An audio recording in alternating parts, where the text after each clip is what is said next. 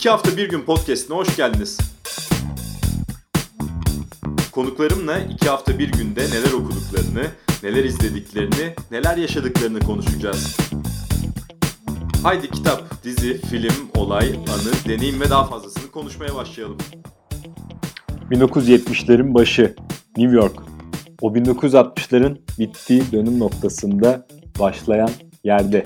Tıklım tıkış konser salonları, insanlar iç içe eğleniyor. Koronavirüs günlerinde bunu bile izlemek, çok iyi müziklere şahit olmak zaten çok güzel geldi. İki hafta bir günün yeni bölümünde ele alacağım dizi 10 bölümlük HBO yapımı Vinyl, 2016 yapımı dizi 1970'ler New York'unu, rock'n'roll'u başarısız bir plak şirketinin gözünden ve o plak şirketinin artık eskisi kadar başarılı olmayan yöneticileri gözünden bize anlatıyor. Çok büyük isimlerin yapımcılığında gerçekleşmiş ve çok ciddi rakamlara mal olmuş bir dizi. Martin Scorsese gibi, Rolling Stones'un solisti Mick Jagger gibi ve Boardwalk Empire'ın yaratıcısı Terence Winter gibi isimler bu dizinin yaratıcılığına savunmuşlar. Başrolde Bobby Cannavale var, Olivia Wilde, Ray Romano gibi de yıldızlar var. Ayrıca Mick Jagger'ın oğlu James Jagger parlamaya ve keşfedilmeye hazır bir rock grubunun solistini canlandırıyor. Ayrıca en başarılı performanslardan birinin de Juno Temple ailesiyle yaşadığı sorunlar ve mesleki hırslarıyla olduğunu söyleyelim, söylemeliyiz. Çok ciddi rakamlara mal olduğunu ve HBO açısından devam ettirilmediği için bir başarısızlık da sayıldığını tekrarlamak lazım. Öyle ki dizinin ilk bölümü tam 2 saatlik neredeyse bir film gibi hatta neredeysesi fazla oldu. Resmen bir film gibi bir bölüm. Bu 2 saatlik bölüm sadece bu bölüm ve Martin Scorsese'nin yönettiği tek bölüm 30 milyon dolara mal olmuş. Sezonu ise 100 milyon dolarlık.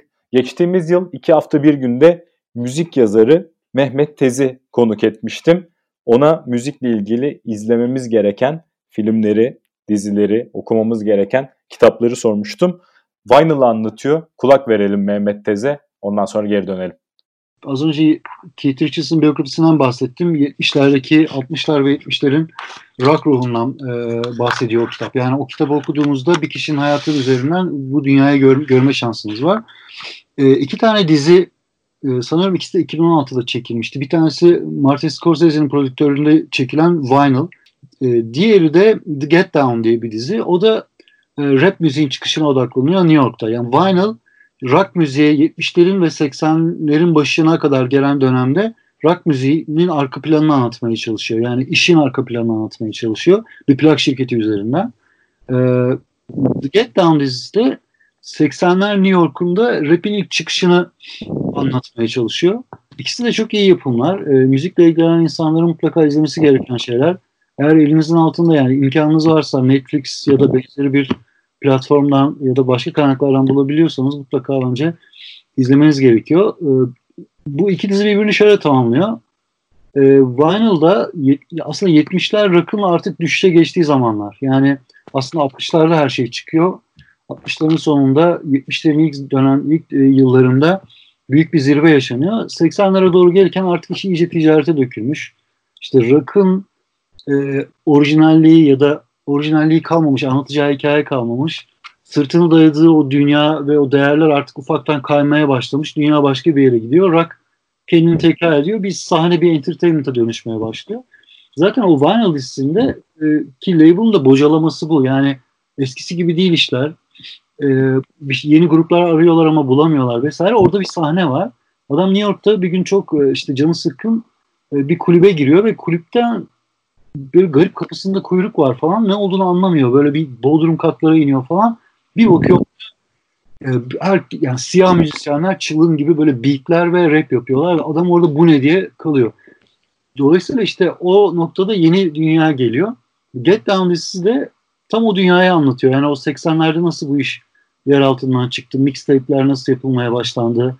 İşte sample'lar alınıyor, o sample'ları alt, altı sample'ları döşeyerek, beat'leri döşeyerek üstüne nasıl insanlar e, hikayeler anlatıyorlar, şarkı ya da işte rap yapıyorlar. E, bunu anlatan birbirini tamamlayan çok iyi dizi yani. Bunları mutlaka öneriyorum. 1970'lerin New York'u, şahane müzikler, Chelsea Hotel, Andy Warhol, Las Vegas. Las Vegas'ta kariyerinin en iyi dönemini artık geride bırakmış. Çökmüş bir Elvis Presley bölümü. Los Angeles'taki müzik dünyası, müzik sektörü. Yine Chelsea Otel'de Yoko Ono ve John Lennon, David Bowie.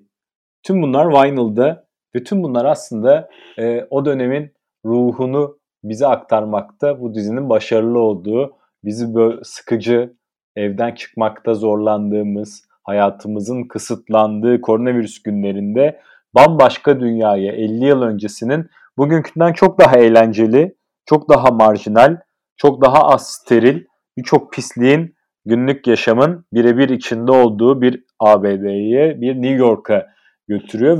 Birçok uyuşturucunun kullanıldığına tanıklık, şahitlik ediyoruz. Birçok bağımlılık e, geliştiren kişiyi görüyoruz müzik sektöründe. Bunlar uyuşturucu bağımlısı. Yine öyle baş karakterimiz Bobby Cannavale'nin de bağımlılıkları hem alkol hem de uyuşturucuyla olan bağımlılığını ve ona verdiği zararı birebir görebiliyoruz. E, 1970'lerin başı başarılı geçirdikleri 1960'ları artık geride bırakmış bir plak şirketinin hikayesi. E, aslında o günden dönüp baktığımızda attıkları her zarda sanki şansları yüzlerine gülmüş. Özel jetleri bile olmasına rağmen çok küçülmüş bir durumdalar ve nasıl olup da köşeye yeniden dönebileceklerini, kendilerini kurtarabileceklerini anlatıyor dizi bu plak şirketinin ortaklarının. Ama 1970'lere gelindiğinde artık başaramıyorlar, bulamıyorlar. Belki değişen dünyayı anlayamıyorlar Mehmet Tez'in de söylediği gibi. Dizide bir cinayet var. Ancak bu cinayetin neden olduğunu anlayamıyoruz. Daha sonra eğer sürseydi, 10 bölümden uzun sürseydi diğer sezonlarda belki de tam olarak anlayabilecektik. Ancak bunun bir eksik olarak söyleyebiliriz. Ee, ilk bölümün o 2 saatlik ve 30 milyon dolara mal olan açılış bölümünün ve Martin Scorsese'nin yönettiği tek bölümün konser verilen binanın yıkılışı var ilk bölümünün sonunda. Ee, unutulmaz bir sahne ama toplamda yetiyor diyemeyeceğiz. Ee, bir yanıyla Mad Men'e benzetilse de e, bana göre karakterlerle yakınlık kuramadığımız için ortaya inandırıcılık problemi e, çıkıyor.